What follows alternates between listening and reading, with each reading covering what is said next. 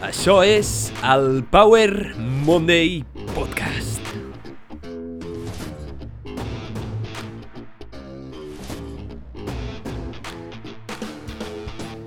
Benvinguts al Power Monday Podcast. Soc en Pau, el teu apassionat de salut, inspiració i ciència, i estic molt agraït de que estiguis escoltant aquest episodi.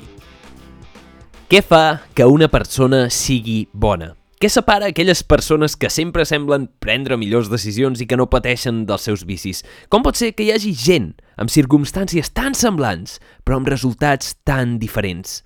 Amb vides idèntiques, però experiències vitals completament oposades. Gent que pot viure en pobresa i ser ric, i gent que pot viure en la riquesa i ser miserable. Com tantes altres filosofies, els estoics van dedicar temps i esforç, moltes ganes i molta dedicació a establir les seves idees al voltant de l'ètica i la virtut per determinar què fa que una persona sigui bona. Al cap i a la fi, els practicants de l'estoicisme sempre van buscar viure una bona vida, viure la seva millor vida. Però com quantifiquen els estoics què és això de viure una bona vida? Doncs bé, els estoics creuen que la bona vida és virtuosa i s'alinea amb la naturalesa, viu amb harmonia amb la naturalesa i creien que la virtut té quatre cares. Quatre cares conegudes com les virtuts cardinals estoiques, de les quals parlaré avui per tancar aquesta sèrie de tres episodis de filosofia estoica. T'animo que quedis fins al final d'aquest episodi, perquè la filosofia estoica no és gens avorrida i és que porta lliçons antigues per a la resiliència moderna, lliçons que sembla que les escrivissin ahir, conceptes que s'apliquen tan bé en el present que et poden ajudar a viure millor. Principis que ja han ajudat a milers de persones. Però abans de entrar a la filosofia estoica de les quatre virtuts, deixa'm fer-te un petit recordatori. Si us plau, si t'agrada aquest contingut i creus que pot beneficiar alguna altra persona, comparteix-lo, m'ajudaràs moltíssim i t'agrairé moltíssim a que em facis arribar més enllà la paraula del Power Monday Podcast. Em pots trobar a diferents plataformes de podcast, Spotify, Google Podcast, Apple Podcast, t'animo a que em posis m'agrada, seguir i que comparteixis. Pots trobar la xeta, on pots donar suport a aquest contingut, a la xeta, web de micromecenatge, i a Instagram Power Monday Show, on Pujo més contingut i em pots enviar missatges. Ara sí, anem a veure les quatre virtuts de l'estoicisme, lliçons antigues per la resiliència moderna. L'estoicisme és una filosofia associada popularment amb Sèneca, Epictet i Marc Aureli, i és que l'escola estoica va ser fundada per Zenó de Citium cap al 300 abans de Crist. Estem parlant de 2.300 d'anys d'antiguitat. Principis que et poden ajudar avui, que potser tenen més validesa ara que llavors. L'objectiu suprem de l'estoicisme és viure d'acord amb la naturalesa, la qual cosa implica viure tant en harmonia amb l'univers, acceptant la seva naturalesa i lleis, com viure d'acord amb nosaltres mateixos, trobant la tranquil·litat, la pau interior i florint com individus, complint el que es coneix com eudaimònia. Ells deien eudaimònia, que nosaltres parlem de felicitat, encara que una descripció o una traducció millor de eudaimònia potser és plenitud. Una de les principals idees equivocades sobre l'estoicisme és que pot semblar avorrit, apàtic i que li falta emocions, però això no és així. En realitat, els estoics, en lloc d'estudiar la filosofia d'una manera abstracta, teòrica i retòrica, es van centrar en la pràctica, en la vida quotidiana. Es són d'aquells que caminen el que parlen, que viuen el que promouen. I és que ells parlen de la filosofia com l'art de viure. La filosofia és l'art de viure. Així que la teva vida pot ser una gran obra d'art. I segons els estoics, es pot millorar o depèn de les quatre virtuts estoiques, que són les següents. Són el coratge, la justícia, la temperança i la saviesa. Aquestes quatre virtuts que han influenciat fortament el cristianisme i també en parla Plató i Aristòtil són molt importants i tenen molts anys d'antiguitat i, creu-me, poden ajudar-te a viure millor. Però potser ens podem preguntar abans de veure quines són les virtuts o què volen dir les virtuts, què vol dir virtut? La paraula virtut prové de la paraula llatina virtus, que significa excel·lència moral. Els antics romans utilitzaven aquesta paraula per referir-se a totes les coses excel·lents, qualitats de les persones, incloses la força física, la conducta valenta i la rectitud moral. Ser virtuós és l'excel·lència en l'ésser humà, que dona pas a la felicitat i a l'harmonia.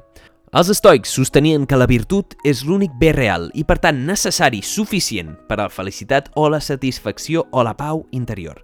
Aquestes virtuts es poden entendre com una manera de viure amb harmonia amb nosaltres mateixos, amb les altres persones i amb els esdeveniments externs del món. Els estoics utilitzen la saviesa per viure d'acord amb la naturalesa, la justícia per viure en harmonia amb les altres persones com a part d'una comunitat, el coratge i la temprança per viure i abraçar el destí al qual estem sotmesos respecte als esdeveniments externs. I no sé si recordes els dos últims episodis, Amor Fati i Memento Mori. Estimar el teu destí i recordar que ets mortal. Aquestes quatre virtuts, per descomptat, estan totes relacionades. Cal, per exemple, tenir saviesa moral, per aplicar les accions i fer justícia, o cal tenir temprança per tenir coratge i viceversa. Però deixem-nos de paraules complicades i anem a veure, una a una, les quatre virtuts estoiques per viure la teva millor vida, que potser et poden ajudar, com han ajudat a milers de milers de persones al llarg de la història, a gaudir d'aquesta existència. Començarem per la primera de totes, la saviesa. La saviesa o la prudència, la virtut més destacada de les virtuts estoiques, s'obté a través de l'aprenentatge, la discussió i l'assaig i l'error, que ve a ser viure intencionadament i fer-te preguntes. És més necessari que mai avui tenir saviesa per navegar aquest món. I Seneca ens explica el següent. Diu, un home amb els cabells blancs i arrugues no ha viscut molt, només fa molt temps que existeix. Un home amb els cabells blancs i arrugues no és que hagi viscut molt, sinó que fa molt temps que existeix. Els savis són aquells que viuen el temps que viuen, no que existeixen. El teu temps, per tant, és valuós i és l'únic que no podràs recuperar mai i és l'actiu més valuós de tots. Per tant, cal desenvolupar-se i aconseguir saviesa. Els estoics tenien un ideal, l'ideal del savi, i és que creien que la persona que ha assolit la coherència perfecta en el funcionament de les seves facultats racionals, és a dir, una persona sàvia, no existia, però sí que era un ideal al qual aspirar. El savi ideal al qual no arribaràs mai és el cas d'aspirar per ser excel·lent. Els estoics ens parlen que la saviesa és saber distingir la naturalesa del bé, és a dir, saber quines són les virtuts, del mal, que són els vicis, i les coses que són indiferents, coses que no et beneficien ni et perjudiquen. Per tant, la saviesa és, en essència, entendre les coses importants i saber distingir les coses que pots canviar de les que no pots canviar. La saviesa és una virtut més necessària que mai avui en dia. És clau avui per navegar el món, i tant com ho va ser en el món antic. I és que avui és important saber distingir les grans agregacions d'informació que hi ha a la teva disposició i aplicar la saviesa real, que necessites per viure una bona bona vida. Saber distingir les coses que depenen de tu de les que no depenen de tu i també saber trobar aquella informació que és necessària perquè puguis viure millor. És clau que estudis, que tinguis la ment sempre oberta i és que Epictet va dir una vegada no pots aprendre allò que creus que ja saps. I és que és cert, el teu objectiu no és només adquirir informació, sinó adquirir la informació adequada i fer-ne un ús adequat. En essència, la saviesa és saber veure les coses que depenen de tu i les coses que no depenen de tu. Les coses que depenen de tu, per exemple, són com respons a les externalitats, els pensaments que tens de manera recurrent, els teus hàbits, les teves accions, les persones amb les que et relaciones, com et relaciones, com et presentes al món. El que no depèn de tu és el temps que faci avui quan surtis, si plou, si neva, si tens calor, si tens fred, si el teu cap és un capullo, és una persona tòxica, o si avui eh, el Barça ha perdut o ha guanyat. Aquestes coses no depenen de tu. El que sí que depèn de tu és el teu comportament, com respons a les circumstàncies externes, i per això necessites saviesa. Però tot i ser molt savi, tot i saber què pots fer i què no pots fer, què depèn de tu i què no depèn de tu, fa falta la següent virtut estoica per actuar, que és el coratge. El coratge és el contrari de la covardia. Hem de defensar amb valentia allò en el que creiem, enfrontar-nos als reptes i a les lluites quotidianes sense queixes, sense comparacions i al mateix temps sent una bona persona. El coratge és lluitar per l'objectivitat, ja que la causa del patiment humà no són les coses del món, sinó les nostres creences sobre les coses. No és el que et passa, sinó què interpretes que passa. Hem d'intentar percebre el món tal com és en si mateix, sense color subjectiu que tendim a atribuir-li de manera automàtica. Tot allò que experimentem pot passar per un motiu, però el motiu depèn de la teva interpretació. Per als estoics, el coratge també s'entén com la resistència al dolor, al malestar i fins i tot a la mort. I el coratge, amic meu, no és no tenir por, sinó abraçar la por. Coratge, coratge per afrontar la desgràcia, per afrontar la mort, per arriscar-se pel bé dels altres, coratge per mantenir els teus principis, fins i tot quan els altres se'n surten o són premiats per ignorar els seus principis. Coratge per dir el que penses en insistir en la veritat. Coratge per acceptar-te, per perdonar-te. I coratge per prendre acció, sabent que pots fallar. El coratge és necessari per seguir endavant, per viure la teva millor vida, perquè la por sempre estarà allà. Així que, abraça-la. Abraça-la. Amor fati, el coratge és una virtut més necessària que mai. Però el coratge és molt important tenint en compte la tercera virtut estoica de la que parlaré ara, que és la temprança. La temprança. Què coi és la temprança, Pau? Aquest, aquesta paraula te l'acabes d'inventar. Doncs bé, la temprança en el seu ús modern es defineix com a moderació, autocontrol voluntari o disciplina. El filòsof Sèneca ens aporta unes reflexions avançades al seu temps, incisives i prespicaces, increïbles, que et poden ajudar perfectament al que estàs vivint ara. Diu així, els plaers, quan van més enllà d'un cert límit, no són més que càstigs. Els plaers, quan van més enllà d'un cert límit, no són més que càstigs. Els estoics creien que exercir la nostra autogestió els permetia alliberar-los dels límits del materialisme per centrar-se millor en viure una bona vida. Marc Aureli també va dir a Meditacions «Si busques la tranquil·litat, fes menys, fes el que és essencial. I aquí és on entra Aristòtil a parlar de la temprança, de l'autodisciplina. I és que en realitat el que va inventar Aristòtil és la mitjana daurada. Diu que el ben viure es troba entre al mig de dos extrems. En un extrem hi ha la covardia o la deficiència de coratge i a l'altre tenim la imprudència, que és bàsicament massa coratge. D'això es tracta la temprança, o moderació, de no fer res en excés, fer el correcte en la quantitat correcta, de la manera correcta. Nassim Taleb, un filòsof, defineix l'estoïcisme com la dominació de les teves emocions, no l'eliminació de les teves emocions. No es tracta d'eliminar les emocions, sinó d'entendre-les i utilitzar-les pel teu propi benefici. La temprança avui és més important que mai, i és que, segons Aristòtil, no és només parlar d'extrems, sinó la saviesa de saber que el plaer a curt termini sol implicar dolor a llarg termini i al revés. En molts casos, el dolor a curt termini és necessari per comportar plaer estable a llarg termini. Moltes vegades hem de fer esforços a curt termini i constants per poder superar un petit dolor que ens pot portar un gran plaer. I el plaer intens a curt termini fins i tot a nivell biològic, sempre comportarà dolor. Sempre comportarà dolor a llarg termini. Et posaré un clar exemple i veuràs molt bé què vull dir.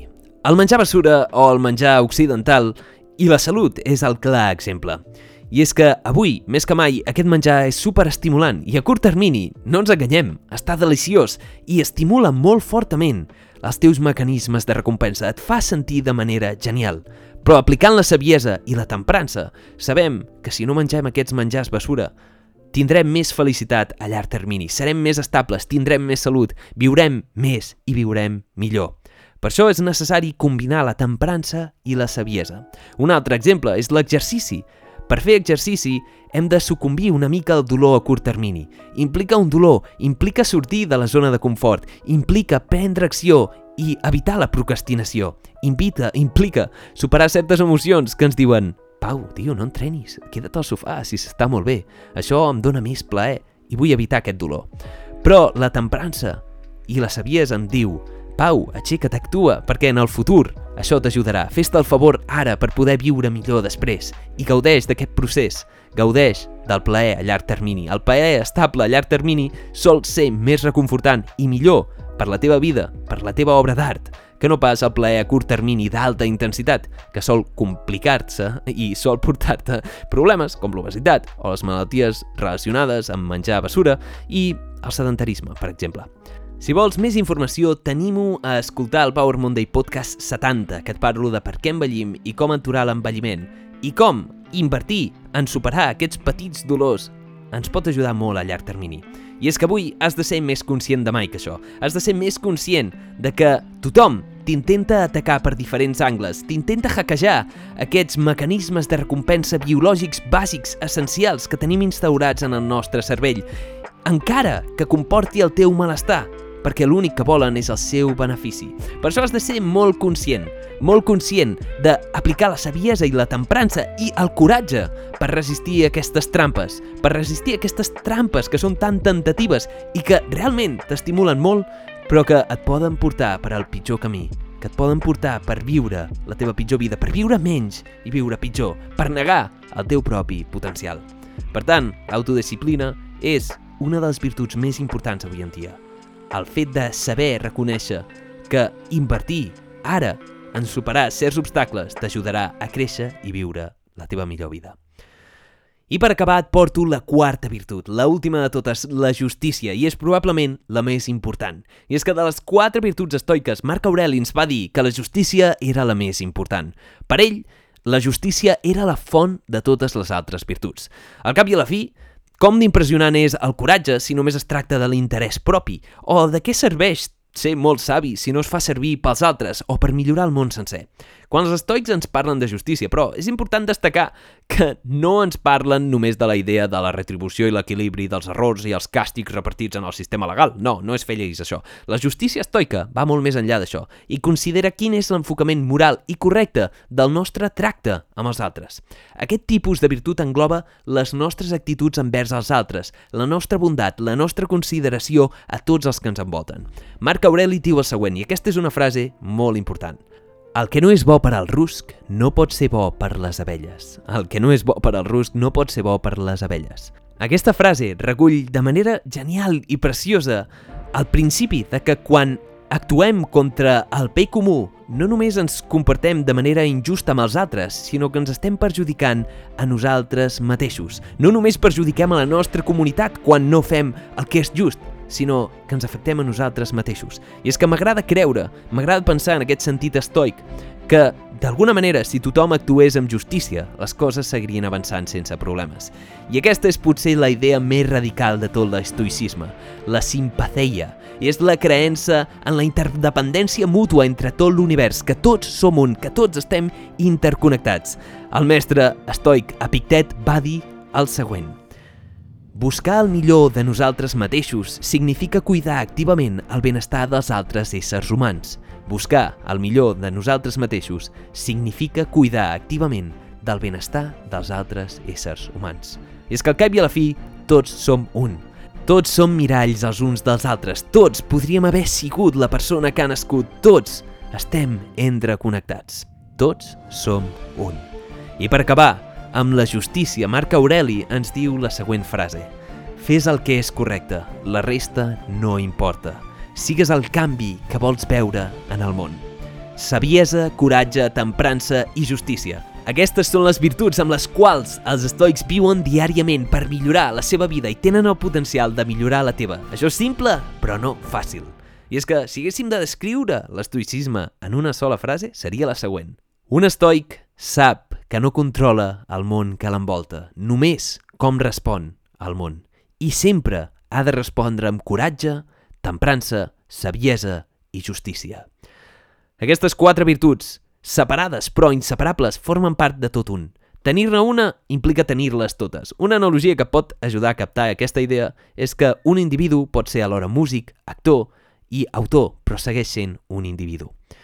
Definir el que és viure bé, el que és tenir una bona vida, pot ser un assumpte difícil, i molts filòsofs ho han discutit al llarg de la història.